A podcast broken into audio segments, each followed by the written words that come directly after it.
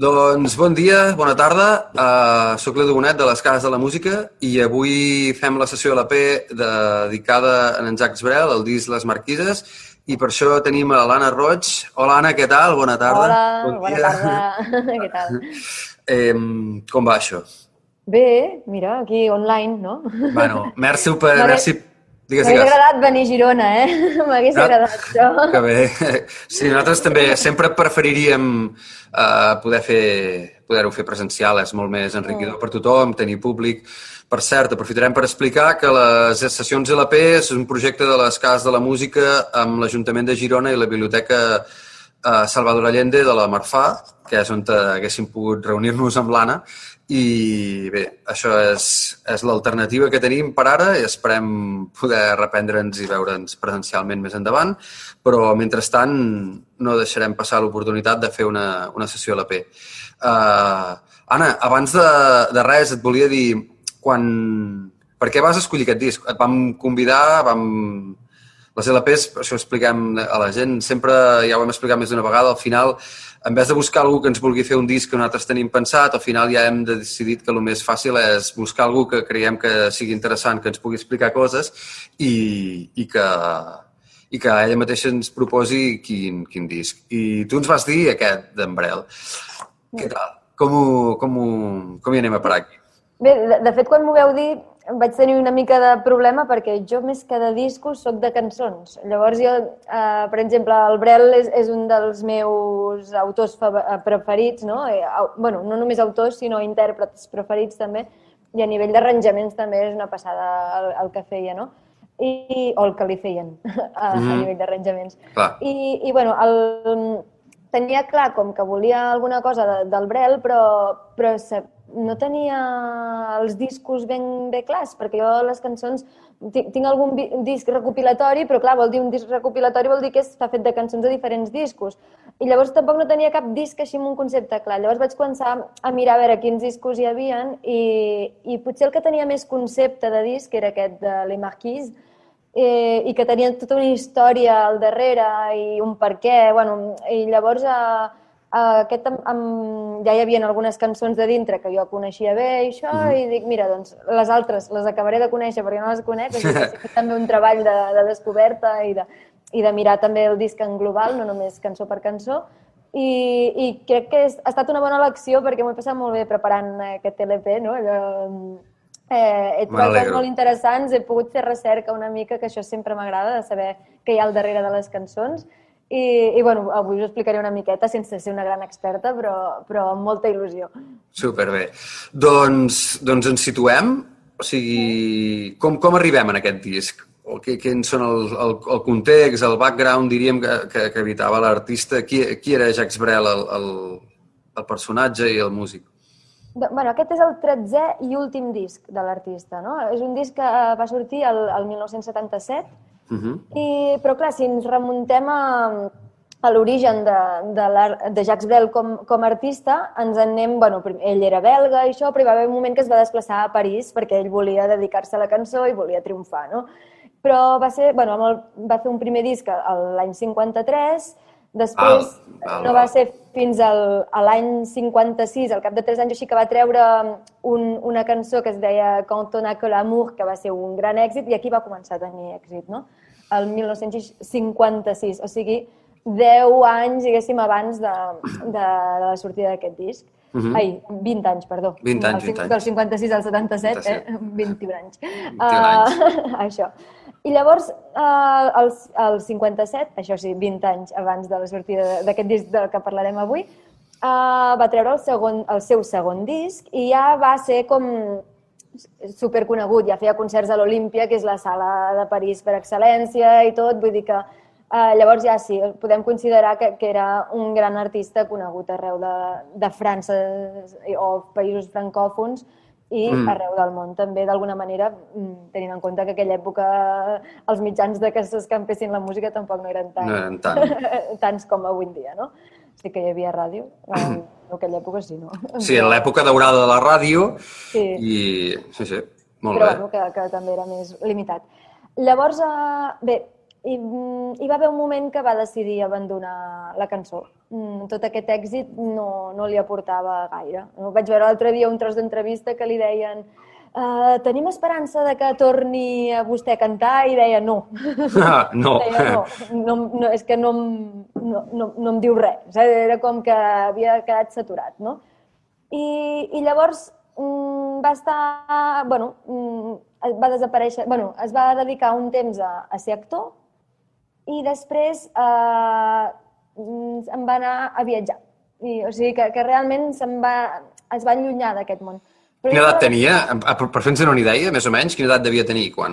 Clar, jo crec que si es va morir amb 49 anys, aquí si estem parlant de, del 66, el 67 va fer l'últim recital, o sigui... Eh, devia estar per la trentena. De, sí, per la trentena, vull dir que tampoc no era gran mm, almenys com entenem ara. Sí, sí, sí, la, la, la, la trajectòria vital, sí, sí, sí. Exacte.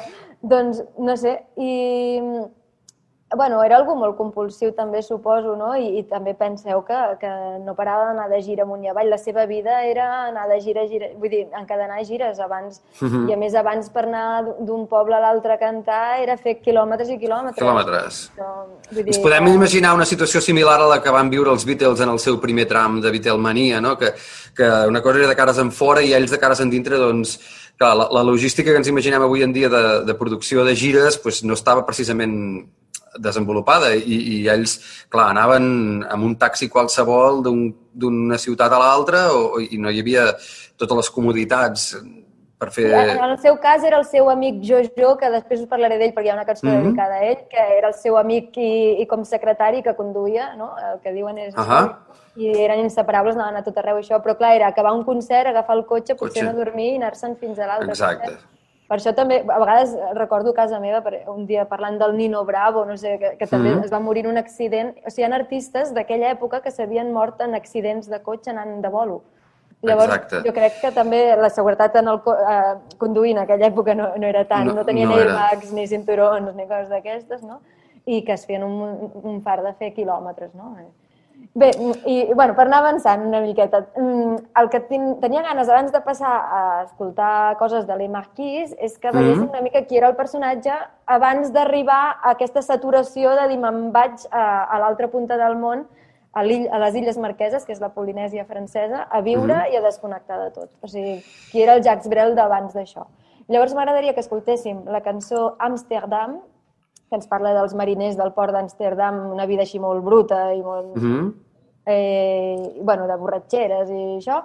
I, i aquesta cançó m'agradaria que l'escoltéssim perquè es veu que va ser l'última que va cantar en el seu últim recital que va fer l'any 77. El vídeo que veurem és de directe, no? Sí, el 77, el 67. 67. això. És un vale. vídeo de directe. Aquest directe és del 64 4, sí, uh, o no, es va... Vale. Aquest directe és del 66, però, però perquè ens imaginem, es veu que va ser l'última cançó que va cantar l'Olímpia en el seu últim recital i diuen que després d'aquesta cançó el públic va fer com un minut de silenci així com uh -huh. en plan, això ja està. I després van posar a fer una ovació per ell, no? El públic ho sabia? O sigui, sí, sabien... ells ja sabien ah, que l'últim concert, no? I, I bueno, que va ser com molt impactant. Doncs escoltem... Ni que sigui un tros d'aquesta, allò per, per situar-nos. La vols escoltar... Molt bé. Doncs...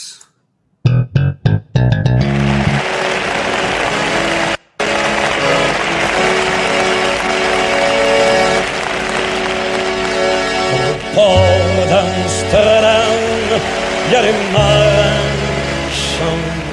les rêves qui néantent au large d'Amsterdam. Dans le port d'Amsterdam, il y a des marins qui dorment comme des oriflammes le long des berges mornes.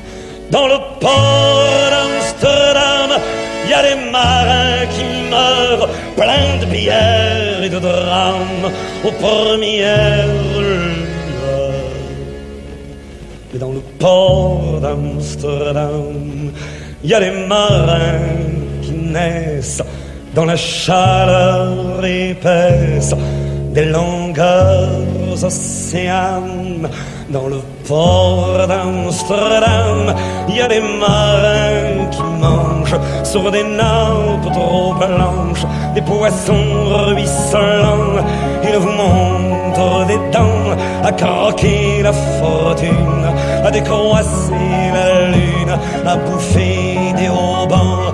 Et ça sent la morue jusque dans le cœur des frites que leurs grosses mains invitent à revenir en plus puis se lèvent en riant dans un bruit de tempête, referment leurs braguettes et sortent en rotant dans le port d'Amsterdam. Il y a des marins qui dansent en se frottant à la panse sur la panse des femmes ils tournent et ils dansent comme des soleils crachés dans le son déchiré d'un accordéon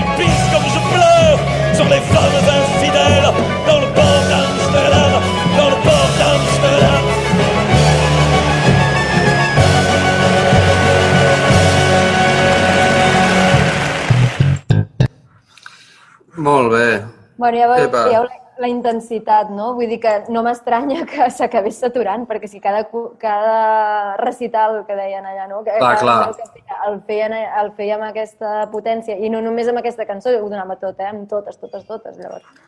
Uh, Déu-n'hi-do. Uh, bé, i després, bueno, va deixar l'escena, i, però no va deixar de, de dedicar-se a ser, bueno, a, a, a fer coses artístiques. Es va dedicar a ser actor. I va fer Ahà. algunes pel·lícules i també un, una cosa que va fer, també fer algun musical, i un musical que va fer era del Don Quijote de la Mancha, que eh, l'Hombre de la Mancha. eh, L'Hombre de, la Mancha. L'home de la manxa. I va fer ell les cançons i actuava també ell en directe.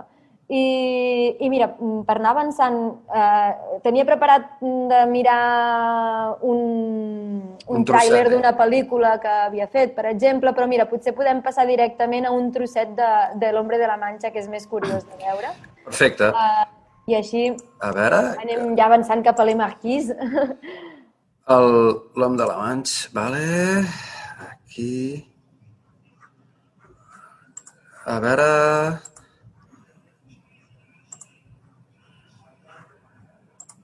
Dans le monde pour en redresser tous les torts. Ne plus être le simple Alonso le preux chevalier connu sous le nom de Don Quixote de la Mancha.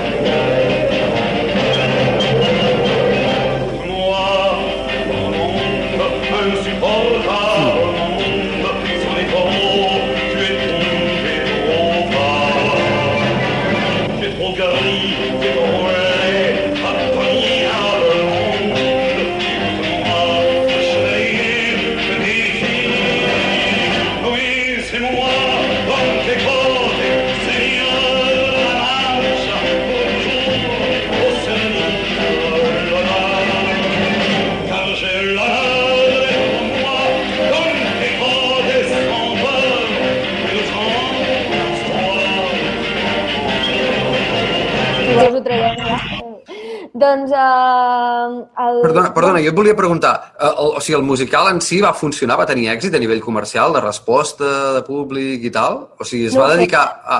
Ah, Mira, l'altre dia la meva mare parlava amb ella i em deia que li semblava que no havia tingut gaire èxit aquest musical. Mhm. Justament em deia això.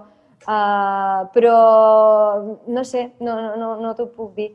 El, el que sí que ara veient-lo actuar pensava, a veure, això també és actuar, no? Mm, Tampoc no va fugir del tot. Eh, No. però, però potser és diferent. Jo, jo des del meu punt de vista de, de quan actues, no? Eh, una cosa és anar-hi com a mm, tu artista, que estàs donant Sí. o sigui, les teves coses interiors allà les estàs exposant, no? És una, una projecció de l'Anna Roig, però en el fons Exacte. algo que surt de dins teu, vols dir, no?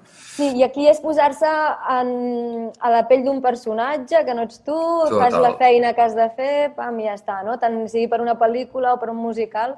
I, i jo crec que, que potser és això que, que buscava, no? Era fugir d'aquest personatge que, que, que havia tingut tant de temps, tant d'èxit i que era la vedette, no? Que allà n'hi deien a França, no? Les vedettes Ah. com a, a les grans estrelles de, del cine. Aquí tenim la idea de vedette com a, com a una noia... ai, Sí, com no? una- Ara, ara catalana. estava, t'estava Eh, seguint però- així. Mm. L'altre dia vèiem una entrevista que li feien també que, que li preguntaven com havia portat això de ser vedet i ell diu, bueno, vedet no, star, saps? Ell va canviar Clar.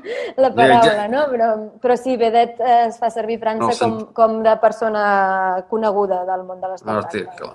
Mm. Molt bé. Bueno, això, jo crec que es va cansar de tot això, no? I al final sí que doncs, va començar un viatge amb el seu valer, tenia un, valer que es deia Ascoi, un- número 2, Mhm. i es veu que era un valer que li van fer expressament a, allà a Bèlgica per, per fer aquest viatge, eh, així bastant gran. I mm, se'n va anar a voltar, per, la, la idea era fer la volta al món i la va fer amb la seva companya de l'època, Madly Maddy, em sembla que es deia. Mhm. I, mm, i bueno, van començar a voltar pel món i es van quedar a un lloc que els va robar el cor, que va ser la Polinèsia francesa, concretament a, a una illa de les, de les Illes Marqueses, a, a una illa en concret, que no me'n recordo el nom. Perquè té- Ahà. Mm, Bueno, igual. Era una Eh, illa de les Marqueses, sí. sí. Doncs es van quedar allà a viure i es van Mhm. integrar molt en, eh, en, el, en el teixit social d'allà també i, bueno, té, la, la illa és bastant paradisíaca, eh? Vull dir que Mhm. veus els mars d'allà i això i dius, hòstia, mm, mars de- d'aquests que deus veure els peixets per allà. Allà, voltant peixos amb pallasso. Facilitats i tot això, no? I, i muntanyes plenes de vegetació Mhm. tot això. I, i bueno, van estar-se vivint allà i es veu que es dedicava a, a, a, amb el, tenia un avió, un bimotor, jo, sembla que és com un avió petit, Mhm. i, i es dedicava a ajudar els habitants de les illes a, a anar al metge o el que fos, saps? Perquè no tenien mm, connexió Ah, molt bé. amb altres llocs, no? I llavors eh, eh, ell feia com de taxista una mica de, dels habitants de l'illa quan tenien una urgència o el que fos, no? O sigui que es va posar com bastant al servei d'allà. Sí, que quan era allà realment va gaudir de la seva faceta d'un no personatge Jacques Brel, no? Sí, exacte. Va apartar el seu Ziggy Sí. Stardust i, i va poder ser ell i fer el que volia. I, Sí. I justament es va dedicar, a, en vez de ser el centre d'atenció per un costat, no? ser, ser, vull dir, ser útil, ser una, una peça de, de l'engranatge.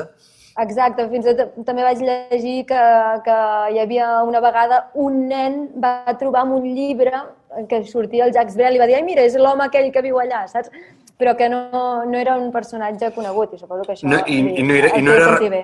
I allà a la illa no el tenien per, per dir... O sigui, és com un personatge famós. Era un senyor que va arribar, no era el Jacques Brel famós, no el tenien reconegut. Exacte, sí, sí. Mm. Bueno, devien saber que era cantant o el que sigui, no? Ah. Però clar, és com si aquí ens ve a Catalunya un cantant de, de Polinèsia i, I, que... ah, a casa seva és famós, no? I que a casa seva és famós, exacte. Clar, no? Sí, doncs, bueno, uh, llavors uh, tot aquest disc va estar fet durant aquesta època que ell va viure a les Illes Marqueses. Llavors, uh, bueno, també s'ha de dir que és una època en què ell va estar malalt de càncer, i càncer de pulmó, i llavors, mm, clar, tot, tot el disc va una miqueta... Bueno, s'entén una mica les temàtiques que hi surten mm, pel fet aquest, no?, que estava Mhm. malalt.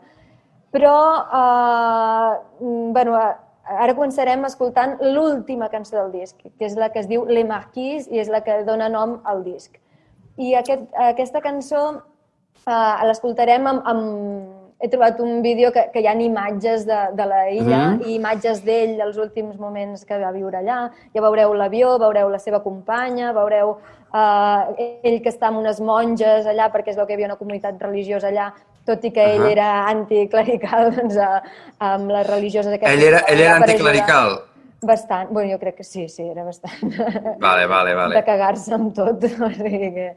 I, I llavors, clar, ell allà amb les monges, però amb aquestes monges com els hi tenia molt respecte per, perquè eren persones que estaven allà com ajudant i tal. Vull dir que... Ahà. I llavors veureu també que eh, bueno, està enterrat ell a la, a, allà a les Illes Marqueses, veureu Sí. la seva tomba també, i també a, a, bueno, a, el referent al Gauguin, sabeu, el, el pintor Paul Gauguin, ell, Mhm. ta- el pintor aquest va viure allà a les Marqueses i està enterrat allà, i això em sembla que està enterrat al costat de, del Gauguin. Vaja, I... això és destí turístic ara cultural, no? Anar- Ja fas Sí, un... no? Anar a veure i- I vas per dos, no? I, i bueno, això, uh, com a curiositats de, de la música que sentirem ara, uh Mhm. bueno, hi ha com una calma tota l'estona molt lat, amb un ritme fluixet, latent, i suposo que és la calma que hi deu haver en aquella illa. Per exemple, ell també diu, el, el, amb, amb el que diu aquesta cançó, diu que allà a les Marqueses la pluja és travessera. M'encanta aquesta frase, Mhm. perquè sembla allò una flauta travessera, Clar. no? Però, però t'imagines, no?, aquella, aquell plogim així com Sí, sí, de, de costat, o una plujassa de costat, no Mhm. sé. I, i t'imagines un, lloc ple de natura, amb calma, no? I, i, i bueno, això, i anomena el Gauguin dins de la cançó, anomena la gent d'allà que, que són com, com gent molt amable i molt d'acord, no? I, i les dones d'allà que tenen un punt sensual, bueno, com, eh, com va anomenant les diferents coses de, que ell li han marcat d'aquesta illa. L'escoltem i, i si cal Sí, comentem una miqueta més. A veure... Escrivint... Anem agafant el ritme de, de la Sí. dinàmica de... Il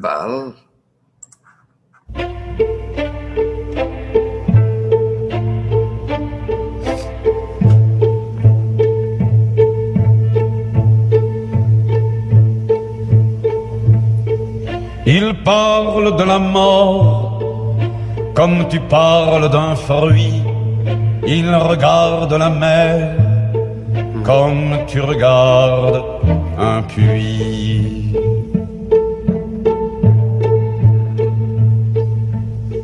Les femmes sont lascives au soleil redouté. Et s'il n'y a pas d'hiver, cela n'est pas l'été.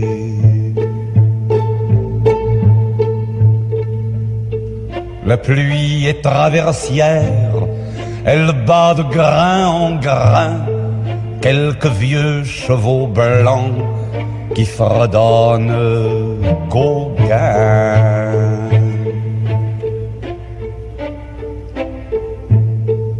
Et par manque de brise, le temps s'immobilise aux marquises.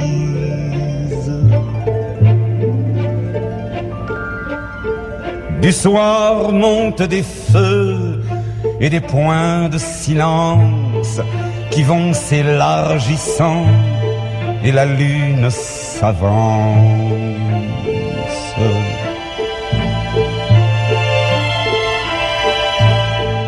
et la mer se déchire, infiniment brisée par des rochers qui prirent des prénoms affolés. Puis, plus loin des chiens, des chants de repentance, et quelques pas de deux, et quelques pas de danse.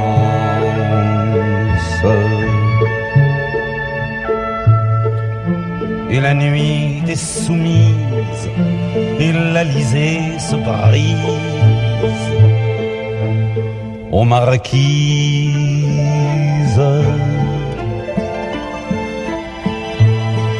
Le rire est dans le cœur, le mot dans le regard, le cœur est voyageur, l'avenir est au hasard. Et passent des cocotiers qui écrivent des chants d'amour que les sœurs d'alentour ignorent.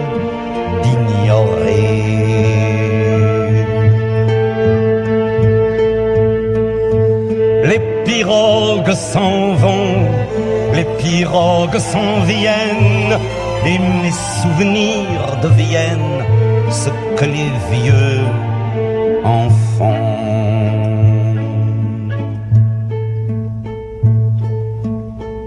Veux-tu que je te dise, gémir n'est pas de mise.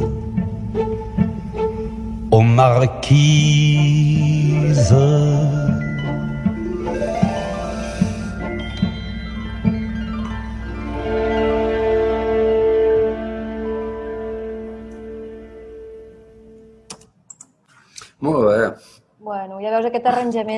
Hipnòtic, que és com allò amb els violins aquests que, que. Que fan- com aquest obstinat, no? I, i, amb, i la- l'arpa de tant en tant, allò fent... Quan, entra, quan, començ, quan, quan justament anomena les marquises, no? es, so, es desplega l'arpa. i, Com ah, una llum, no? Sí, sí, sí, que, com si estigués enamorat d'aquestes illes. Et volia preguntar, que tu que estàs molt familiaritzada amb la seva obra, eh, aquest tipus d'arranjament trencava una mica amb, amb la línia anterior o justament era una continuació? O sigui, on havia acabat el 67, el, la seva producció musical, el tipus d'arranjament, eh, ja consistia en això? O, o, o en aquest tipus de sempre anar amb corda orquestral o... o... Eh, D'arranjaments orquestrals ja n'havia fet forces, vull dir que, que ja n'hi ha. L'únic que mm, amb aquesta delicadesa potser no, no ho sé si tant. Eh, Perquè orquestral pot ser de moltes maneres, no? Sí, sí, pot ser sinfònic completament i tal, o pot ser... Clar, aquí realment en fa un ús molt, quasi com diríem modern, no? Vull dir que la, la, les cordes fent, no? Aquesta base, rí- base rítmica de cordes pinçades i... Eh, Sí, sí. ah, és, és molt xulo. Sí, bueno, ell, ell, per exemple, el que se sent... Bueno, els directes eren sovint amb, amb piano i alguna cosa més, no? O, o piano sol, a vegades. Els recitals. Els recitals, no? Però, però el, els discos, a veure, hi ha, hi ha uns, els seus arranjaments sempre, o, per exemple, si agafem el No me quito pa, la cançó com més Mhm. estrella d'ell, eh, hi, hi ha com... Hi ha un piano, crec, hi ha també... Bueno, no sé, hi ha tot de detallets també. És, és també una cançó també així com molt tranqui, no? Però que, que passen coses allò uh, molt afins a- al que està dient, no? El, el, jo el, Ahà. el que sempre ressalto molt del Jacques Brel és que, mm, primer de tot, la lletra està molt ben tancada sempre, després en aquesta lletra hi posa una melodia sobre la lletra que reforça el que ell està dient i, a més a més, posa un arranjament que encara li dona més força. Enfatitza el... el... I si li mires la interpretació que en fa després, en aquest cas, Le Marquis no va pujar mai sobre l'escenari L'escenari, clar. o sigui no sabem què, Mhm. com ho hagués fet, però eh, quan mires la interpretació encara més, o sigui, és, és una cosa tan potent, per això ho trobo tan potent, no? perquè tot va en el mateix sentit, la lletra, la melodia, l'arranjament i la interpretació. Llavors, mm, sí que havia fet arranjaments orquestrals i sempre amb tots aquests detalls, no? sempre acompanyant molt el que diu la lletra. Llavors, per això no em sobta que ara, si volia transmetre la calma de les Illes Marqueses, que, que l'arranjament sigui això, no? Llavors, potser no està tan lluny de coses que, que havia fet, però sí que... Però les, les eines les utilitza diferent. Sí, exacte, una nova sonoritat, potser, Mhm. no? I ja està. Tampoc, a veure, tampoc no em vull fer passar ara aquí per l'experta. No, home, no, però te l'has escoltat bastant, es nota.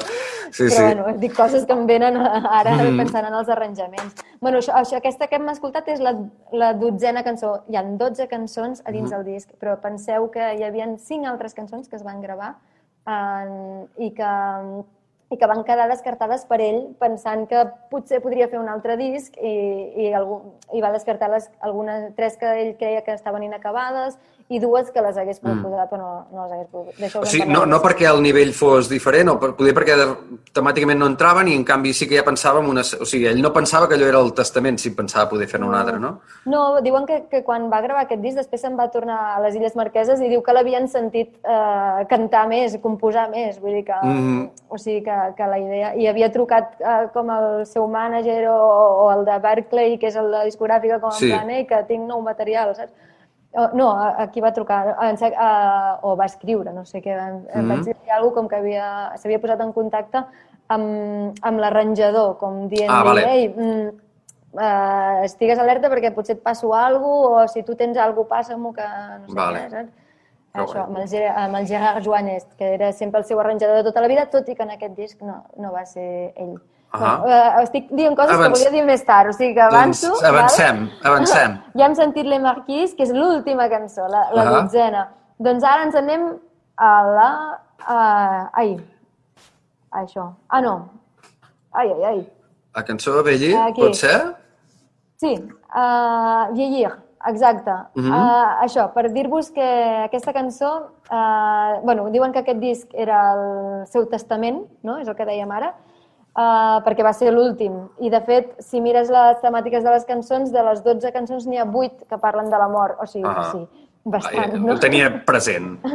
I llavors, uh, bueno, ell ja havia fet cançons anteriorment amb el tema de la mort. Hi ha una cançó que es Mhm. diu Le Moribond, que, que explica el que li agradaria a ell uh, quan es morí... Ah, no, uh, n'hi ha un que es diu A mon dernier repas, el meu últim àpat, el meu... Uh, Ah. uh, com, com Jesucrist, suposo, l'últim Sí, el seu l'últim sopar. El meu últim sopar, jo voldria que passés això i voldria que passés l'altre. No? Hi ha un que es diu Le Moribond, que li diu adeu a un, un que s'ha de morir, i li diu tranquil, que ja cuidaré la teva dona, o jo què sé. I, bueno, coses d'aquestes. O sigui que la mort eh, o té una cançó sobre la, els vells, també, no? Explica doncs, la, vida dels Mhm. vells, que és anar del sofà al llit, al llit al sofà, i, i anar sentint el, el, el rellotge del menjador que fa El menjador, tic-tac, tic-tac, i que els va... fent, no? Bueno, sí, aquestes temàtiques ell ja les havia tractat, però clar, aquí les té com més presents perquè... I en perquè primera perquè persona. Exacte.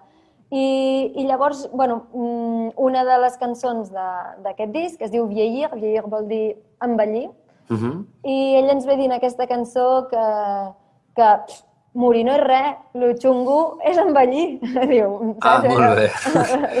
Vull dir que, que es pot... I comença a anomenar com maneres de morir diferents i, i això, i diu, però el, el que és... El, el que És fotut, el és fer-se gran. És fer-se gran, no? I, I fins i tot fa conya sobre maneres de morir-se, no? I diu que la, la, la, hi ha una manera que diu, com al final de l'estrofa, diu, oh, mira, o podria eh, acabar la meva carrera, eh, bueno, carrera com, com si fos una carrera de córrer, Mhm, eh? de córrer. Uh, com a Com cursa. vida, sí, una cursa, això, a la meva cursa, la, a la nit dels meus 100 anys, uh, tot ballet, i, però aixecat per, per unes quantes dones amunt, uh, amb, com es diu, uh, com Jesucrist uh, amb, A la claus, creu- amb eh, claus. uh, clavat a la, gran, a la ossa major i, i, i escopir la meva última dent uh, cantant Amsterdam. O sigui, això és el que diu, saps? O sigui, ell s'imagina un, com un final Sí, es- es projecta, eh, apoteòsic que podria èpica. tenir ell. No? Ahà. De, de, doncs mira, doncs ja posats a... a Posats a morir, de viure, no? si Ai, pot de triar. morir. Això, doncs amb 100 anys i allà clavat a la ossa major i, escopint la meva última dent i cantant Amsterdam. Bueno, com un final allò, com els seus finals de concerts amb la cançó A Amsterdam, dalt de tot. com hem dit abans. Doncs si voleu, escoltem aquesta cançó que, que l'he trobat així amb, amb traducció al moment Mhm. de, de, en castellà, o sigui, podrem anar seguint una miqueta. Perfecte. A veure... Aquí... Eh,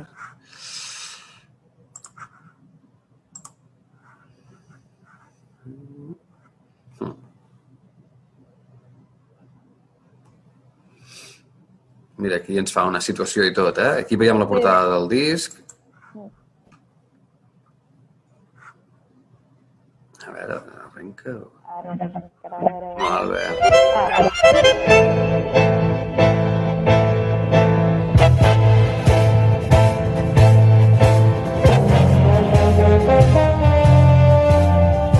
Mourir en rougissant, la guerre qu'il fait, du fait des Allemands à cause des Anglais, mourir baiser intègre entre les seins d'une grosse, contre les os du maigre dans un cul de basse fosse, mourir de frissonner, mourir de se dissoudre, de se racrapoter, mourir de se découdre, ou terminer sa course la nuit de ses cent ans, vieillard tonitruant, soulevé par quelques femmes, cloué à la grande ours, cracher sa dernière dent en chantant Amsterdam.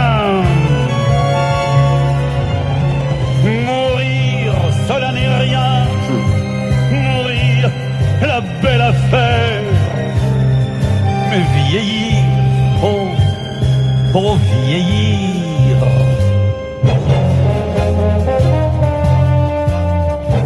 Mourir, mourir de rire, c'est possiblement vrai.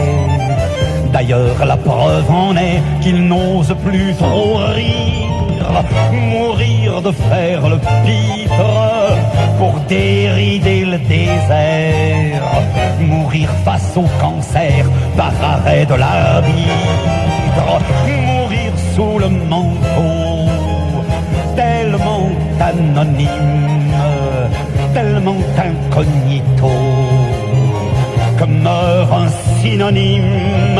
Ou terminer sa course la nuit de ses cent ans vieillard tonitruant soulevé par quelques femmes cloué à la grande ours cracher sa dernière dent en chantant Amsterdam. Mourir cela n'est rien. Mourir la belle affaire. Mais vieillir oh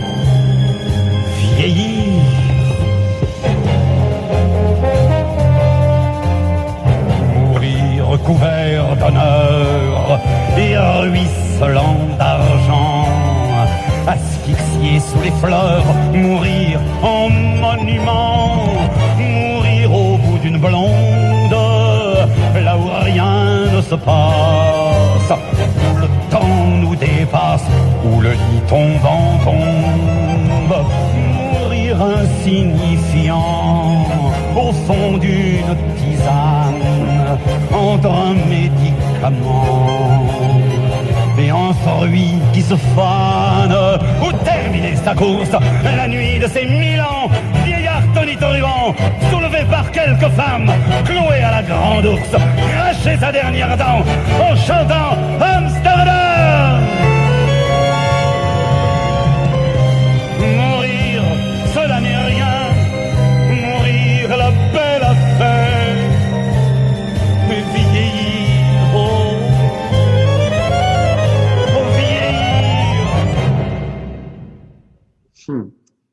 Vaja. Ja Vaja. veieu aquest, aquest ritme de tango també, eh? Sí. Perquè ell, en aquest, aquest disc és una mica descosit a nivell d'estils musicals, eh? Perquè, bueno, aquí hi ha com un ritme de tango, hi ha una altra cançó que es diu el uh, Knockgrosut Tango i, i també té aquest Ja l'anomena tal qual. Sí, i hi ha altres cançons així més orquestrals, més en plan orquestra sinfònica, com la que hem sentit uh, de Le Marquis, tot i que Sí. tampoc era molt sinfònica, era més senzilleta.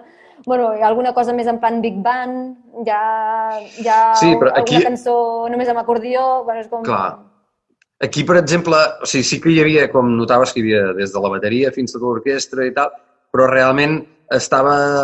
La, la, el, el plantejament sonor està com tot apretat i tot molt fent una mena de paisatge i un coixí perquè la veu estigui davant i, i, i no, no, no és que... Sí que surten les trompetes quan han de respondre, o, Sí. però, no, però tot el de més no és allò que estigui la veu barallant-se com en, amb, amb la resta de la mescla, no? De, i, dels Sí, això, que, instruments. això que has dit del coixí, precisament, és el que he vist en moltes de les cançons d'aquest disc, que ell el que... Bueno, a vegades posa allò només un instrument dura- mentre ell canta com perquè la gent vagi seguint i a vegades amb un ritme bastant obstinat eh, com, Sí. com perquè la gent vagi seguint a veure què diu, què diu, què diu i després sí, com aquí ta, ta, ta, Explota ta, ta, i puja. no, allò, pam, alguns moments, no? I, i bueno, aquí va fer servir eh, l'acordió i també en la cançó que, que escoltarem ara també va fer servir l'acordió, però amb- una altra funció, una miqueta.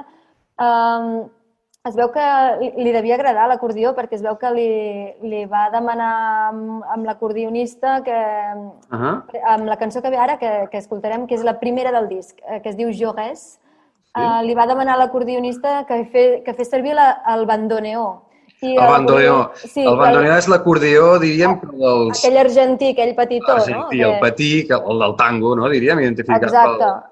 Però l'acordionista li va dir, no, jo no ho faria, diu, perquè mm, la cançó que ve ara, que es diu Jaurès, Mhm. parla d'un socialista molt reconegut eh, eh, abans de la Guerra dels 14, de, de Ah. l'any 14, no? A la Primera Guerra Mundial. Primera Guerra Mundial. Doncs eh, eh, aquest, aquest socialista era defensor dels drets dels treballadors, era com una persona, com, com un líder de, eh, defensor de drets humans i això, no? Era com... I, i llavors diu, clar, mm, posar-hi aquí amb un, un, un instrument que es veu, el bandoneó es veu que és d'origen alemany i, i a més que, Ah. que té connotacions d'Argentina, diu, l'acordionista no ho va veure clar, i Clar. va dir, mira, posem un acordió que és, bueno, que, que podria Més fer altres coses, sí, més sí, europeu, sí, sí. més francès i tal, no? I, bueno, el, eh, us vaig parlant ja d'aquesta cançó, la primera Sí. del disc. Comença així. De fet, l'acordió té una funció, ja veureu, és que a vegades fa, fa un acord ting, i està allà, i va cantant el No, fa un pedal i... Pedal i, i anar fent, sí, sí, sí. I, i és molt... xu- Bueno, fa, fa parar molt l'atenció, no?, el fet de que no hi hagi més cosa, perquè... Entrarà canvi algú o- El que està explicant és important, no? I, Mm. i el que ens explica en aquesta cançó ens parla de, dels treballadors de finals del segle XIX, principis del segle XX, no? Revolució industrial, suposo, no? Allò, eh, i llavors ens diu coses a la cançó tipus que, que treballaven 15, dies, ai, 15 hores al dia, eh, que, tenia, que mm, la seva vida estava entre l'absenta i les misses, vull dir que no, tenien, Ah. no podien fer massa cosa més que treballar, Treballar, anar a missa, i o- dormir o beure, i, no? i beure a la cantina. Exacte, Clar, I, clar. i que començ, amb 15 anys ja estaven desgastats eh, i hi ha un moment que diu quina vida van tenir els nostres avis, o sigui, de ser la Mm. generació dels avis. Això no? de- d'ell. I que l'única manera de sortir d'això, d'aquesta vida, era anar a la guerra, pel que diu, no? Era, si no volies treballar, l'altra opció No, és anar a guerra. a fer-te militar. no. Eh. I llavors, bueno, el, el Jean Jaurès, aquest, aquest uh, socialista, no, es, el van assassinar uh, a l'any 14, el, el juliol del 14, abans de que comencés la guerra, em sembla que era.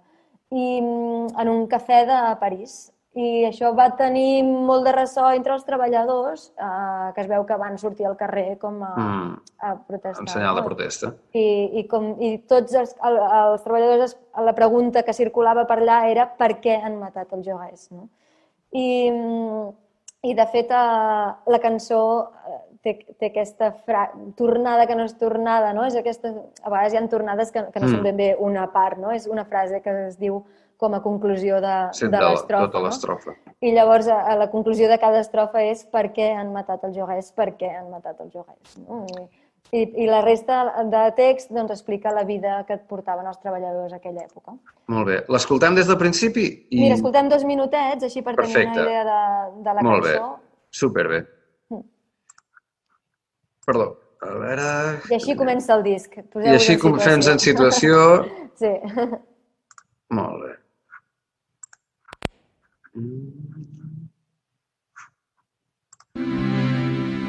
Ils étaient usés à 15 ans. Ils finissaient en débutant. Les douze mois s'appelaient décembre. Quelle vie ont eu nos grands-parents? Entre l'absinthe et les grands-messes. Ils étaient vieux avant que d'être. Quinze heures par jour, le corps en laisse, laisse au visage un teint de cendre. Oui, notre monsieur, oui, notre bon maître, pourquoi ont-ils tué Jaurès? Pourquoi ont-ils tué Jaurès? On ne peut pas dire qu'ils furent esclaves, de là dire qu'ils ont vécu. Lorsque l'on part aussi vaincu, c'est dur de sortir de l'enclave. Et pourtant, l'espoir fleurissait dans les rêves qui montaient aux yeux des quelques-ceux qui refusaient de ramper jusqu'à la vieillesse. Oui, notre bon maître, oui, notre monsieur, pourquoi ont-ils tué Jaurès? Pourquoi ont-ils tué Jaurès Si par malheur Sí, no? Fins aquí Sí, volies, està eh? Perfecte. Perfecte. Sí, està molt bé. Així hem tingut una idea. Ja veieu Mhm. l'acordió, està mm, senzillet, eh, fent un pedal i ja està, no? Mhm. I així comença el disc. I ara Aquest to solemne, eh? I de... Sí. Ell, ell era manifestadament d'esquerres, tenia un tarannà... Bueno, ara, després parlarem d'un Vale. tema una mica... M'he avançat? Doncs ja, i era... Sí, jo crec que era més d'esquerres que de dretes, però tenia algunes actituds de dretes, eh? Mm. Perquè hi ha una cançó que, que ve més tard que, que per nosaltres catalans que defensem la llengua i això, mm, Clar. diem, ui, mm, què està Ens- dient? Clar, és- val? La perspectiva actual ara canvia moltes coses. Va, Sí. veure...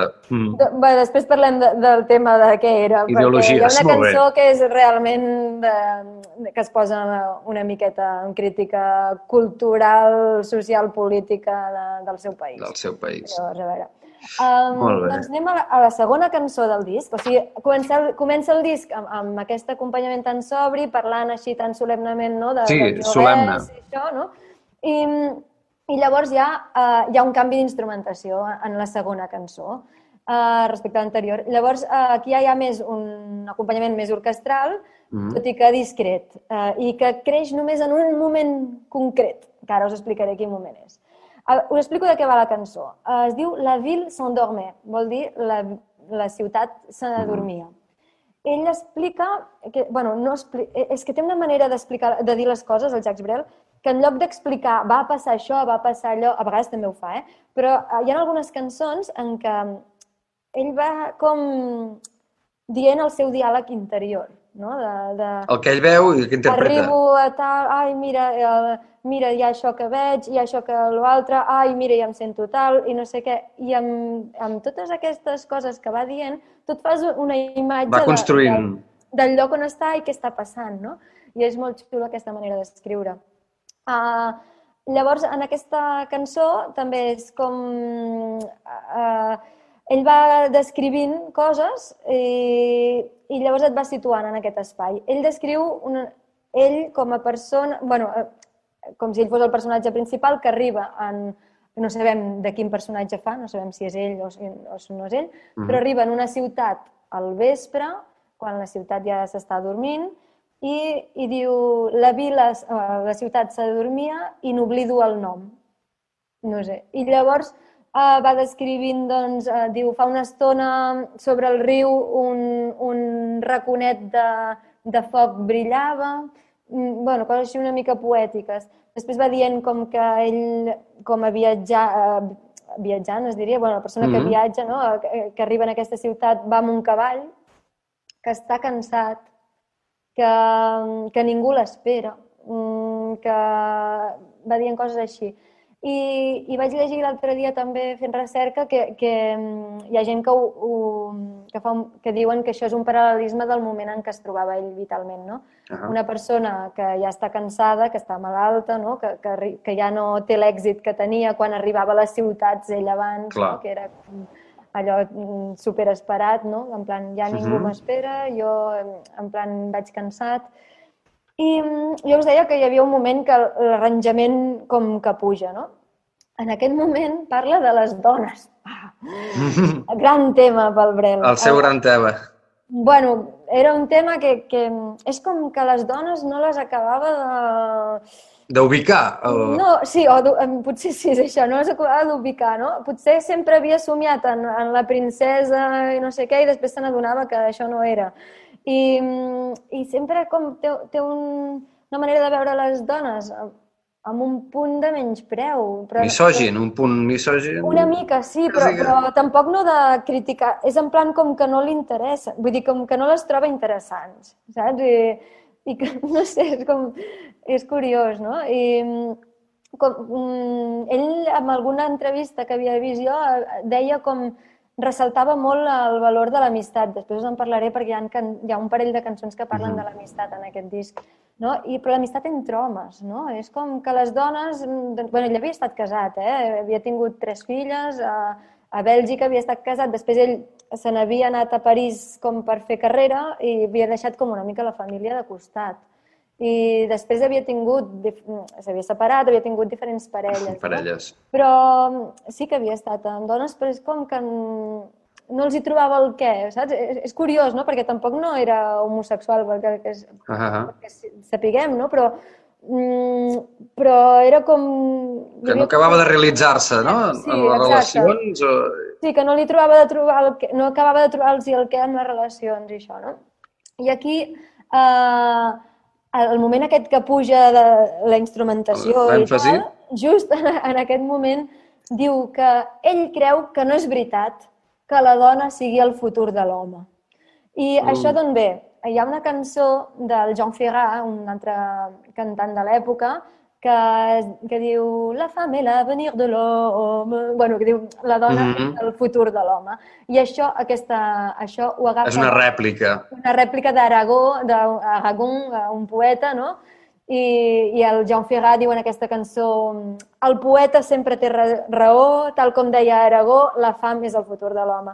Doncs ell cola, en aquesta cançó, Jacques Brel cola dient doncs jo crec que no és veritat Que que, no és la veritat. dona sigui el futur de l'home. No. I a aquest moment doncs, puja com d'intensitat perquè és com si es posés una mica més nerviós en aquest moment al dir això. I al final de la cançó apareix una noia jove mm, en aquesta espècie de somni, perquè de fet eh, no saps ben bé què... És una descripció molt onírica. Sí. I doncs eh, en, al final de la cançó apare- diu i passa per aquí una, una noia jove gairebé despullada que, que voldria potser estar al llit amb mi. No sé, bueno, diu alguna cosa així, no? I veus com que el, el concepte mm, que tenia, el que ell apreciava de, de les dones era la joventut, la sensualitat, la novetat, no, no tant el, a l'aprofundir potser en el, en el caràcter de, de la dona com a persona no? I, i, i compartir coses més profundes, no sé. Uh, tampoc no entraré, bueno, no, no puc fer judici sobre aquest tema, però sé que és un tema de controvèrsia en, en la figura del Jacques Brel, no? Perquè mm -hmm. jo quan buscava informació per fer l'espectacle que faig ara, que, que és, es diu La Tendresse, i hi ha un parell de cançons del Jacques Brel a dins de la cançó, Sí? i de, de l'espectacle. Llavors, a mi m'interessava saber mm, què, què opinava de la tendresa, què, què opinava de les dones, no? I, i, i clar, havia mira- mirat alguna entrevista així i veia que sempre el tema de dones no acabava... No acaba de caure bé allò... No, eh, estava mal col·locat, eh? I això, bé, doncs escoltem la, Sí. la cançó sencera perquè així també veurem el, a, a, a, que, aquest acompanyament no? i aquest moment que creix i, i que torna a, a Perfecte. posar-se tranquil·let. Molt bé.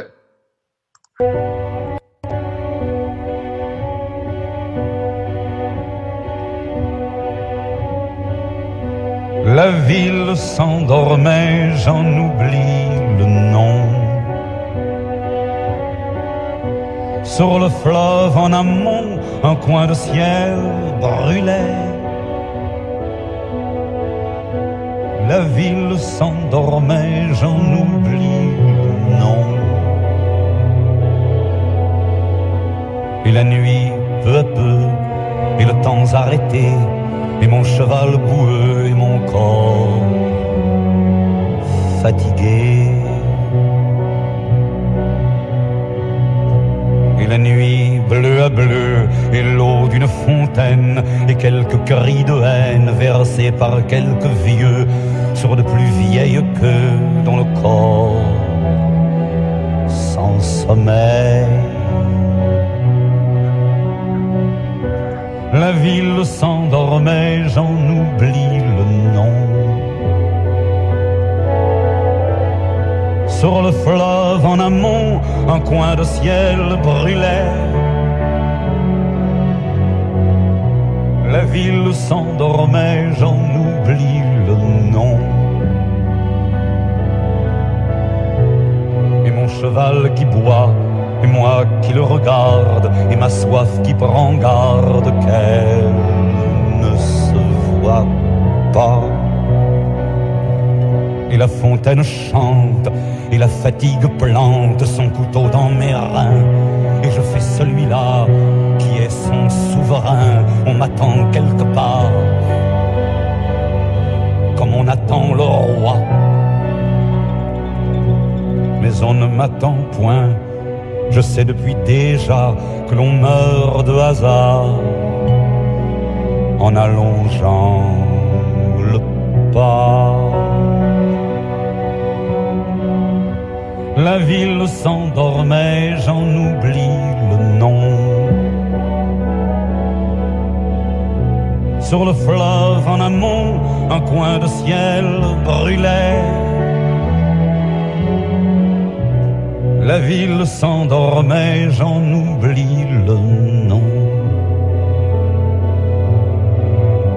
Il est vrai que parfois, près du soir, les oiseaux ressemblent à des vagues, et les vagues aux oiseaux, et les hommes au rire, et les rires aux sanglots. Vrai que souvent la mer se désenchante, je veux dire en cela qu'elle chante d'autres chants que ceux que la mer chante dans les livres d'enfants. Mais les femmes toujours ne ressemblent qu'aux femmes, et elles les connes ne ressemblent qu'aux Et je ne suis pas bien sûr, comme chante un certain, qu'elle soit l'avenir de l'homme.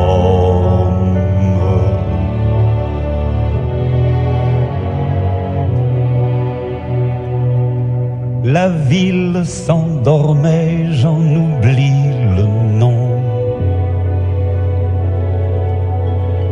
Sur le fleuve, en amont, un coin de ciel brûlait.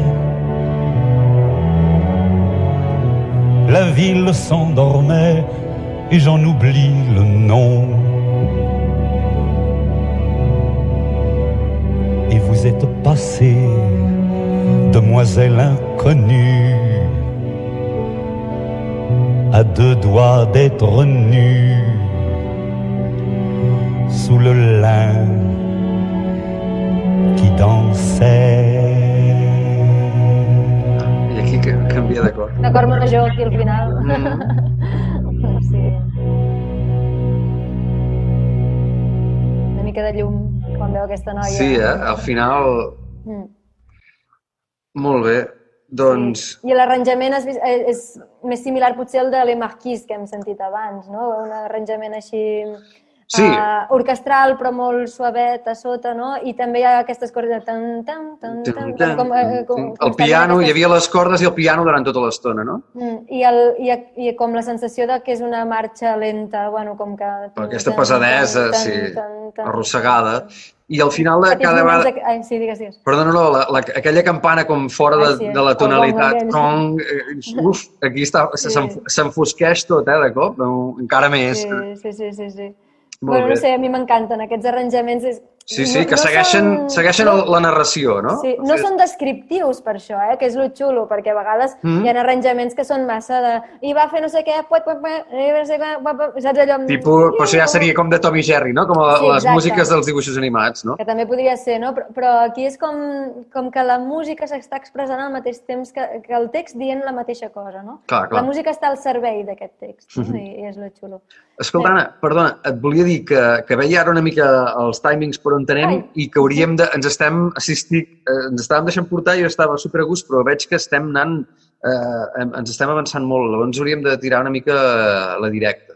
D'acord. doncs Et volia demanar un, un exercici, sí, un exercici de síntesi, o, o no cal que les escoltem totes, podem, Val, val, perfecte. val, podem realment Uh -huh. triar les que creus que són més rellevants i, i seguim. D'acord, doncs som-hi. A veure, miro què em quedava. D'acord, ui, em quedava força cosa encara. Doncs mira, la cançó que us volia, de la que us volia parlar després era una que realment, que, com que estàvem parlant de la seva visió de les dones, doncs Mhm. eh, hi ha una cançó que es diu Les Remparts de Varsovie, Mm. que vol dir les muralles de Varsòvia.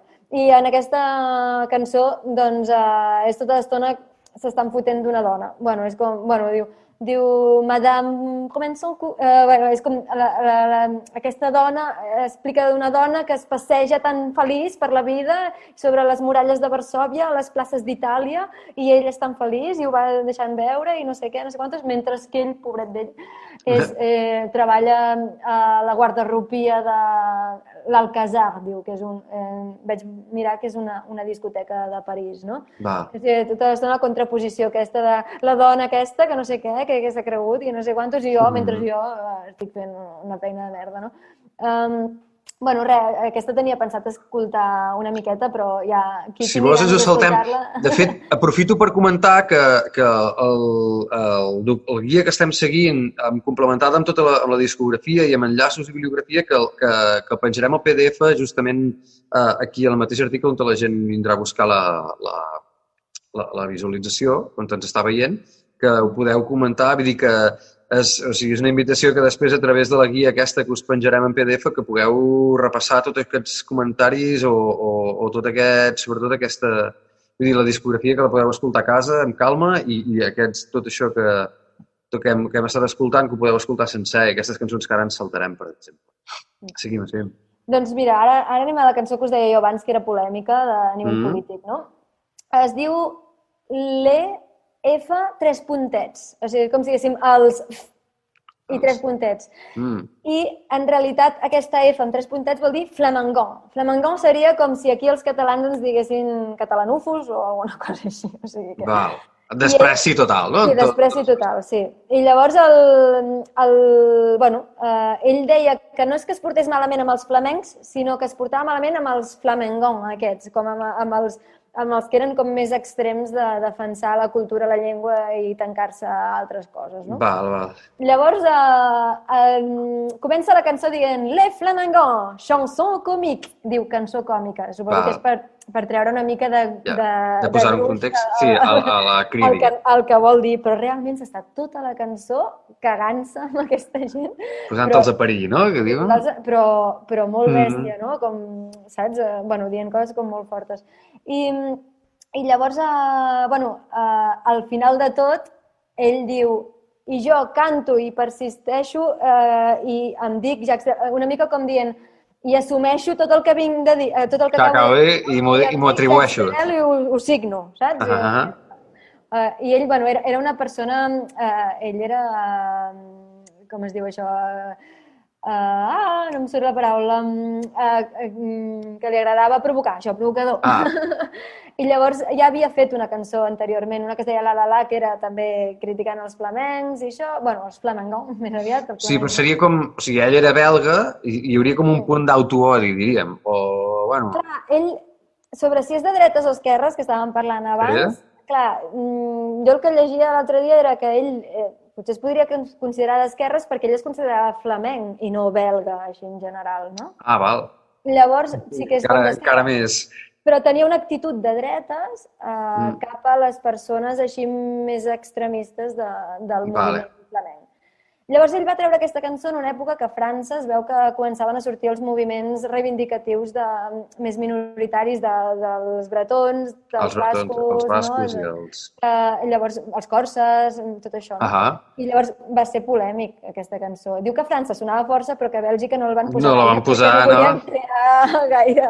Em vols em, escoltar un tall, per exemple, Sí, d'aquesta? exacte. I, bueno, dir-vos una cosa Sí, sí, sí. de, de la música d'aquesta. Uh, es veu que mm, uh, va fer servir la música que feia servir la seva dona a les Illes Marqueses per donar classes de ball. Donava classes de ball així en plan gratuït per, a, a nivell benèvol, Ahà. però benèfic, uh, per ajudar la, uh, les noies joves d'allà.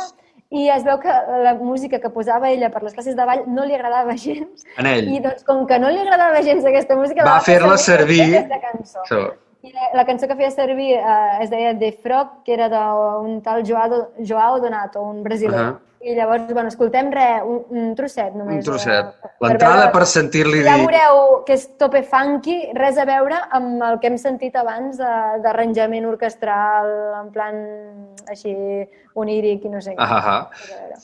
Allà anem. Mm. Les flamands, chanson comique.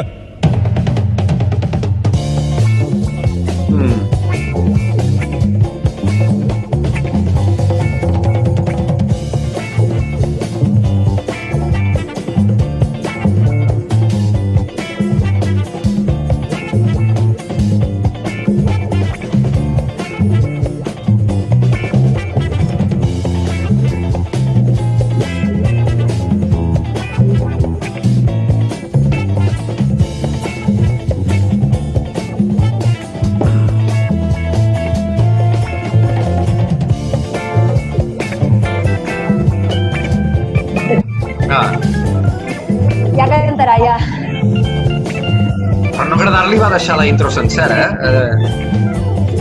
Messieurs les flamingants, j'ai deux mots à vous rire. Il y a trop longtemps que vous me faites rire, à vous souffler dans le cul pour devenir autobus. Vous voilà acrobate, mais vraiment rien de plus. Nazi durant les guerres et catholique entre elles, vous oscillez sans cesse du fusil au missel. Vos regards sont lointains, votre humour est exsangue, bien qu'il y ait des rues à Gand qui pissent dans les deux langues. Tu vois quand je pense à vous, j'aime que rien ne se.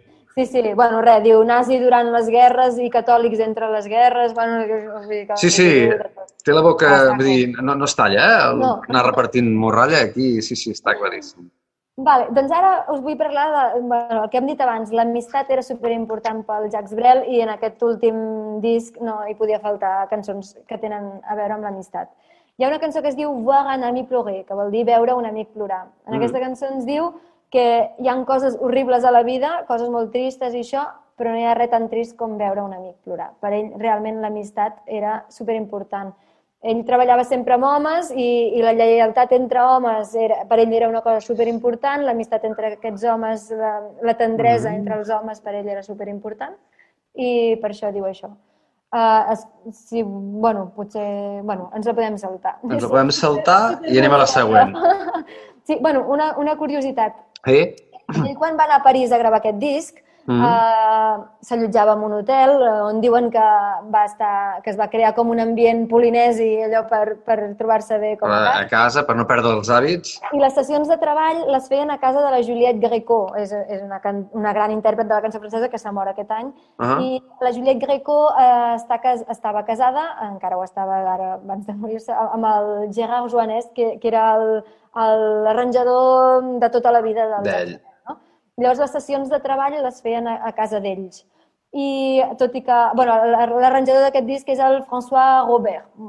I, total, que es veu que mentre estaven allà treballant, la Juliette Greco va sentir aquesta cançó i el Jacques Brel li va cedir aquesta cançó perquè ella la tragués en un disc seu abans que sortís Le Marquis. A la Marquès. I, bueno, la curiositat aquesta, no? que la, la primera que va cantar aquesta cançó va ser la Juliette Greco en un disc seu eh, i després ja la va treure ell. Mm Uh, és superbonica aquesta cançó, si la podeu escoltar, vull dir, ara no l'escoltarem, però... Deures per casa per escoltar-ho amb Deures per calma. casa, sí. I referent a l'amistat, us en recordeu abans que hem vist el seu, el seu avió que posava Jojo? Sí. Jojo era el nom del seu millor amic, del joc. Ah, ok. que era el seu amic i secretari, eh, el que Mhm. conduïa durant les gires, el que hem dit abans, no? Eh, I més que un amic era un confident per ell, no? Es va morir a l'any 74, aquest Georges Pasquier, quan eh, el Jacques Brel estava anant de viatge a Les Marquis i llavors es veu que el Jacques Brel va interrompre el viatge per tornar a França Per tornar a França per- lo i després ja va reprendre el viatge, no? Però per ell era el seu gran amic. Llavors li va fer aquesta, aquesta cançó que és, que és preciosa, que la, la tornada diu eh, sis pieds sous terre, eh, si- sis peus sota terra, o sigui, on està Mhm. enterrat, no? Jojo, tu cantes encara. Sis peus sota terra, Jojo, tu no estàs mort. És com, en plan, jo et portaré sempre En- en encara estàs tot el viu. que faci, no? Perquè encara et sento viu. I no sé si escoltar-la o no tenim temps, però aquesta també és, és, és tan preciosa, vull dir, és d'aquelles... Escoltem un tall? Vols posem un tall de... trosset. És, és molt senzilla, ja veureu, també a nivell d'arranjament i tot, però és molt profunda. Mm, mm. Vale, tenim un anunci. Un Llista. segon, ben. A veure, ens el saltem, si ens deixa. Val. Ta, ta, ta, ta. No l'estem veient, però... Ah, sí, ara, vale. Sí, ara, ara. Perfecte. Està mica en mica. Fan a la mateixa introducció eh, que aquell primer cop que l'hem pogut Sí. veure. Si ens Aquí situem. tindrem traducció en castellà. Mm -hmm.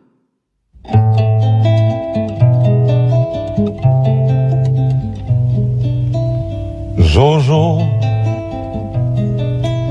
voici donc quelques rires, quelques vins, quelques blondes. J'ai plaisir à te dire que la nuit sera longue à devenir demain. Jojo, moi je t'entends rugir quelques chansons marines. où des Bretons devinent que 5A doit dormir tout au fond du brouillard. Six pieds sous terre, Jojo, tu chantes encore. Six pieds sous terre, tu n'es pas mort. Deixem aquí. Ja hem arribat aquí a la frase que a mi m'agrada. Ah, sí, eh? A la tornada... I el, bueno, ja heu vist un element que no hem sentit fins ara, una guitarra que Sí. acompanya la veu, no? Eh, i, I, bueno, això, eh, per dir-vos que és un disc super descosit a nivell de- d'arranjaments. Hi ha algunes cançons que sí que s'assimilen, per exemple, aquella que Mm. hem vist abans que, de la Ville Saint-Dormé, que s'assemblava una mica a l'arranjament de Marquis a nivell d'estil, no? Però l'acordió surt de tant en tant, però... I aquí no, no entren més elements, o sigui, segueix la guitarra i, i per dir alguna cosa, si la guitarra és la Doncs base, Ara, uh, doncs ara, ara em fas dubtar, no me'n recordo. Uh, Però tampoc és que sigui- Elements, però no és molt rellevant, eh? Rellevant. Serà un pedalet o alguna però no me'n Sí, sí, recordo sí. ara, no, no, no ho tinc present. ho, ho tindries present, no? Si Amb, la Sí, seva, amb el seu sistema de treball que ja li hem veiés, que li hem anat veient en, en aquesta sessió, realment, quan vol que te n'adonguis d'algú, t'ho posa a davant, no? Exacte, sí, sí. I llavors, res, uh, dir-vos que hi havia tres cançons mm, Ahà. que, que jo les trobo irrellevants i penso, no sé què fan en aquest disc, quan hi ha altres cançons que ell va Que va deixar fora. I, i que són molt més xules. Hi ha una Sí, que es potser diu... té a veure amb la lògica aquesta, no?, que deies de que sí que realment el tio no tenia previst eh, marxar tan aviat i realment Ja. preveia un següent disc i diu, bueno, poso una mica de, de farcit aquí per poder tenir tres trumfos per assegurar ja el següent. El següent. Sí, potser Ah. sí, o, o potser ell volia alleugerir la cosa, perquè, per exemple, hi ha una cançó que es diu Le Lion, que parla d'un lleó que es deixa enredar per una lleona, i és amb un ritme així una mica latin, amb big band, que, bueno, una, una cançó... Més frívola. Tonta, sí, bueno, Eh, sí, frívola. eh. I dius, a veure, mm, eh, potser no volia fer un disc tan, eh, tan dens a nivell de, de només parlar de la mort i no sé De què, no? dramatismes i tal, clar, Exacte. per descarregar. Sí, això va colar això. Hi ha una que es diu El bon Déu, Le bon Dieu, que és com una cançó de bressol que diu tu no ets el bon Déu, només ets un home. Bé, Mm. sí, però què? Tampoc no estàs dient gran cosa, no? I l'altra que es diu Knocklesut Tango, que explica d'un tio que es fa passar per argentí. Knocklesut és un, una estació balneària de, de Bèlgica, Ahà. que és com on anaven els rics vells a, a passar el, el, Estuvar-se. a, a la jubilació, saps? Sí. Allò. I llavors, eh, bueno, és com es fa passar per un argentí per lligar, però després no acaba lligant, després es fa passar per un espanyol per lligar, però no acaba lligant, i curiosament, quan parla de l'espanyol, diu, i els hi dic a les espanyoles que se n'adonin que Franco ja està mort. Saps? Ho diu a la cançó, saps? I dius, hosti, què, què diu, no? Bueno, curiós.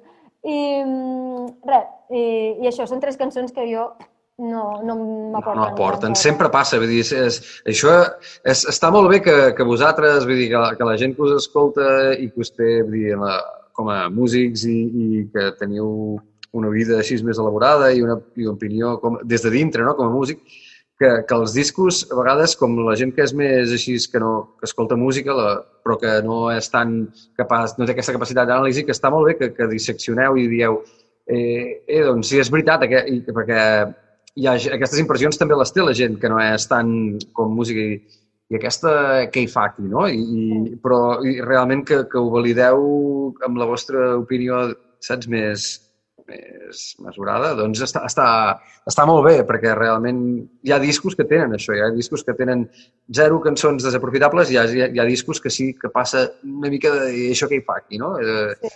Mm, I crec que no sóc l'única de pensar això. eh? Un, un dia parlava amb, amb el Miquel Pujador, que, que és eh, el cantautor per excel·lència aquí, que coneix la cançó francesa de pe a pa a nivell històric i tot, no? I em deia això, que en aquest disc hi havia unes cançons que no hi quadraven i, i en canvi n'hi havia d'altres que havia descartat que són precioses. I la- I l'exemple d'això també és que jo, per exemple, aquestes que, que descartaria, jo no les havia sentit mai. I en canvi, n'hi han d'altres que van quedar fora del disc que jo les, Que sen- ja- les havia sentit i les, i les donava com per cançons... eh, Cançons plenes, amb pes perquè- dins la història de, de I Jacques que, Brel. que van aparèixer en algun recopilatori posterior o... Sí, exacte. Mm.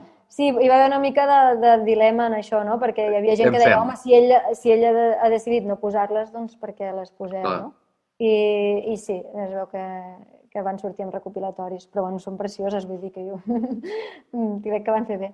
Mhm. que, que vam anar justos de temps, oi? Perquè me'n queda una de superguai. Doncs eh, jo aquesta la faria completa. eh. Sí? Vinga, sí. va. Home, per acabar... Una cançó que es diu Orly. Si heu viatjat a París, segurament Orly us sona, és el nom d'un dels aeroports de, de París. Sí. I uh, aquesta cançó ens, és com molt descriptiva. Ell és com un observador que està allà a, a l'aeroport i veu una parella que s'estan acomiadant. I, i ho va com descrivint de, de ara ell se'n va una mica, però no, però ara, bueno, es, es- bueno i al final ell se'n va perquè se n'ha d'anar i la noia es queda sola. I diuen que en aquesta cançó va trencar una mica el costat misògin perquè es va, es va posar a la pell de la dona. Empatitzar amb la dona, per fi. Sí, bueno, exacte, no? el podem redimir, es redimeix ell mateix. Molt I, bé. I és una cançó que, que així com molt descriptiva de les sensacions Mhm. que veu ell en aquell, amb aquella parella i a nivell instrumental sembla com si fos una banda sonora, no? Està allà com, com acompanyant amb tensió, no sé què, i algun moment pam-pam, allò com de... I llavors eh, eh, la tornada, bueno, tornada o frase que fa de tornada eh, mm, diu Déu meu que és trist el diumenge a Orly amb o sense el Becó. Becó és Gilbert Becó, era un, un cantant de l'època també, Uh -huh. eh, i això ho he descobert ara investigant sobre el disc. Jo pensava sempre, què diu del Becó aquí, en aquesta cançó? Ahà. Doncs es veu que el Gilbert Becó havia fet una cançó super happy que era dels diumenges a Orly.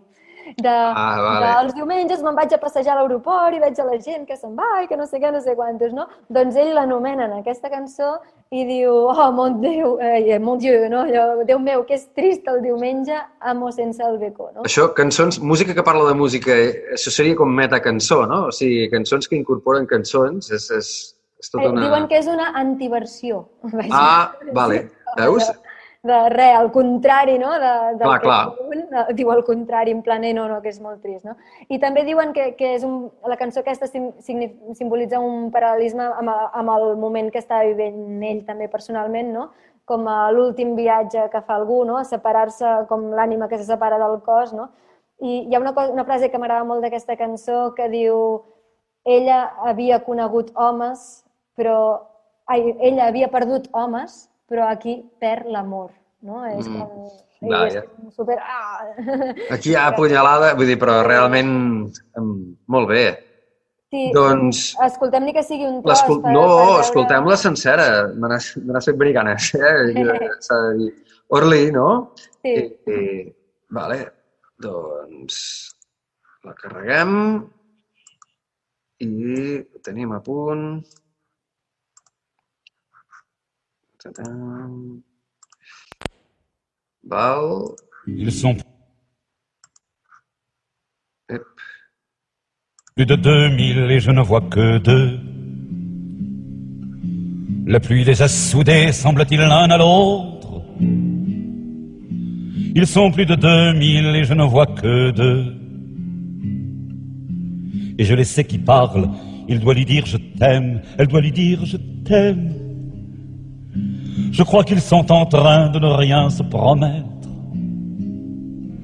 Ces deux-là sont trop maigres pour être malhonnêtes. Ils sont plus de 2000 et je ne vois que deux. Et brusquement ils pleurent, ils pleurent à gros bouillons, tout entourés qu'ils sont d'adipeux en sueur et de bouffeurs d'espoir qui les montent hors du nez. Mais ces deux déchirés, superbes de chagrin, abandonnent aux chiens l'exploit de les juger. La vie ne fait pas de cadeaux. Et nom de Dieu, c'est triste, Orly, le dimanche. Avec ou sans béco. Et maintenant il pleure, je veux dire tous les deux. Tout à l'heure c'était lui lorsque je disais il. Tout encastrés qu'ils sont, ils n'entendent plus rien que les sanglots de l'autre. Et puis, et puis infiniment, comme deux corps qui prient, infiniment lentement, ces deux corps se séparent, et en se séparant, ces deux corps se déchirent, et je vous jure qu'ils crient. Et puis ils se reprennent, redeviennent un seul, redeviennent le feu, et puis se redéchirent, se tiennent par les yeux, et puis en reculant, comme la mer se retire, ils consomment l'adieu, ils bavent quelques mots, agitent une vague main, et brusquement il fuit, fuit sans se retourner, et puis il disparaît, bouffé par l'escalier. La vie ne fait pas de cadeaux. Et nom de Dieu, c'est triste, Orly, le dimanche, avec ou sans déco. Et puis il disparaît, bouffé par l'escalier, et elle, elle reste là cœur en croix, bouche ouverte, sans un cri, sans un mot. Elle connaît sa mort, elle vient de la croiser. Voilà qu'elle se retourne et se retourne encore. Ses bras vont jusqu'à terre. Ça y est, elle a mille ans. La porte est refermée, la voilà sans lumière. Elle tourne sur elle-même et déjà elle sait qu'elle tournera toujours. Elle a perdu des hommes, mais là, elle perd l'amour. L'amour le lui a dit. Revoilà l'inutile, elle vivra de projets qui ne feront qu'attendre la revoilà fragile avant que d'être à vendre. Je suis là, je la suis, je n'ose rien pour elle, que la foule grignote comme un quelconque fruit.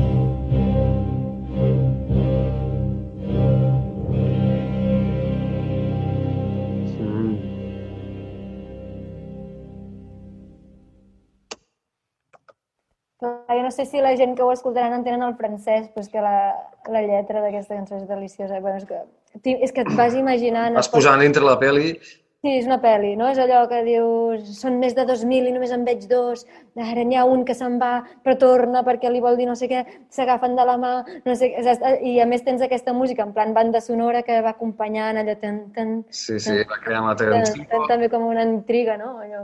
Val a dir, també pensava que ja ho fa tot el rato, que és una cosa que el, els seus enginyers, quan li mesclaven i li gravaven el disc, eh, realment no tenien cap problema en, en, en passar de posar-li un compressor. Vull dir, es dispara i el volum de la veu, si, si puja, no, no li comprimien per res. Eh? Vull dir que realment aconseguir el, el, el, el, tot l'efecte de, de que si ell arrenca a cridar, eh, puja amunt amb la, amb la veu, realment no li, no li apreten. Vull dir Hem que... de, hem de tenir en compte una cosa, aquest disc el va gravar amb, amb mig pulmó menys i l'altre irradiat. Vull dir, Mhm. eh, eh, es veu que només fa, va fer una presa de cada cançó amb l'orquestra en directe, pam, A la i ja primera. està, eh? Vull dir que és molt heavy.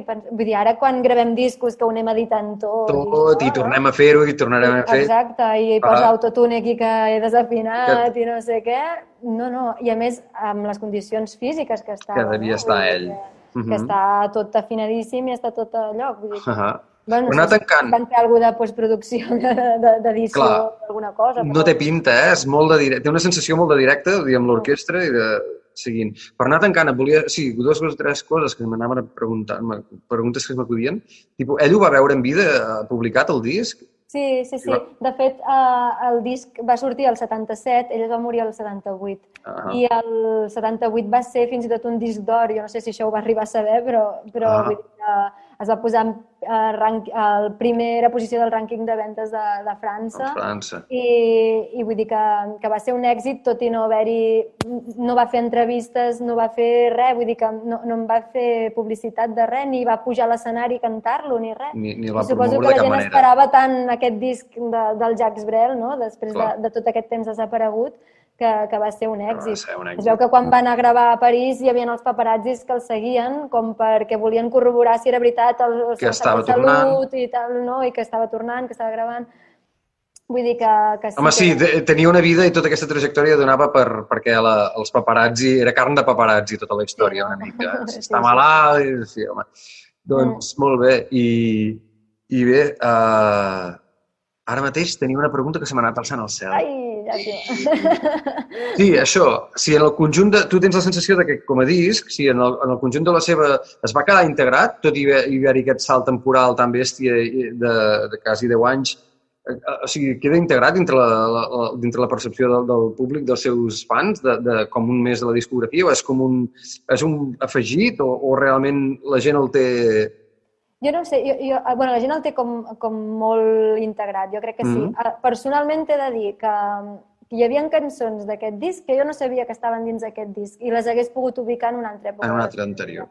Vull dir que, que perquè després vaig veure, dic, ah, sí, llavors ja tot ha pres sentit, no?, de que aquesta cançó Clar, està en aquest disc, disc per perquè aquesta raó, és- perquè ara sé en quin moment de la seva vida es trobava i tal. Però abans de saber-ho, jo aquestes cançons les havia sentit així de manera separada i no les veia com, ostres, són diferents, no? Mm, Que, a veure, sí que, que, que deixa enrere coses... Bueno, alguna cançó còmica aquí també hi ha, aquella que us deia del lleó, Sí, que no sé què hi fa, no? Però, però abans potser tenia més cançons d'aquest tipus, de, de fer més teatre, no? Aquí, aquí Clar. crec que no busca tant fer teatre. D'interpretació és, és més directe, és més més cru. sobri, no? Més, Ok. més de dir el que vol dir i ja està.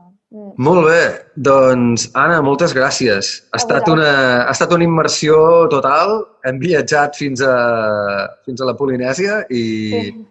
I no, realment molt agraïts de que t'ho hagis preparat tan bé, que hem après bastant i, i tenim completament, una visió completament nova de, i, i de, de la idea de, de la figura del personatge i tot plegat. Eh, Anna, Bueno, moltes gràcies també perquè ha sigut l'ocasió d'entrar-hi i de- i d'investigar i de, i de saber-ne més coses. Vull dir que a vegades eh, falten aquestes excuses per posar-se Excuses, a, doncs. treballar en una cosa. Són coses que a vegades treballaries però no tens temps o així, doncs mira, a vegades que, que et convidin, com vosaltres heu fet, a, a parlar-me, ai, a Doncs, parlar de... per nosaltres encantats. O sigui que, Molt bé. Sí, nosaltres des de les sessions LP una mica la, la filosofia sempre és que la gent... bueno, ara en parlem així, però que la idea de- d'escoltar la música com l'havíem escoltat abans, una mica amb més atenció, que no sigui vull dir, pues, com una mena de- d'algú que escoltes, et poses en un iPod i vas escoltant, sinó que a vegades també una atenció, ja sigui com sigui o quan, en el moment que sigui, però que li dediquis un moment d'atenció per, per, que, que a vegades la, la música la mereix, no? Mm, Sí, sí. Doncs molt bé, Anna. Merci. Espero que, bueno, que suposo que deus estar com tothom molt paradet a nivell d'espectacles i bolos i Una esperant mica. una mica... En vam fer una Figueres fa poc, vam estar molt contents. I, I ara el proper em sembla que és al març. O sigui que imagina't. esperarem. Doncs res, eh, com tothom, esperem que aviat puguem tornar-nos a veure pels escenaris i, i ha estat un plaer, Anna. Moltes gràcies per acompanyar-nos i fins a la propera. Gràcies. Ens veiem Adéu. fins a la propera LP. Adéu, vagi bé.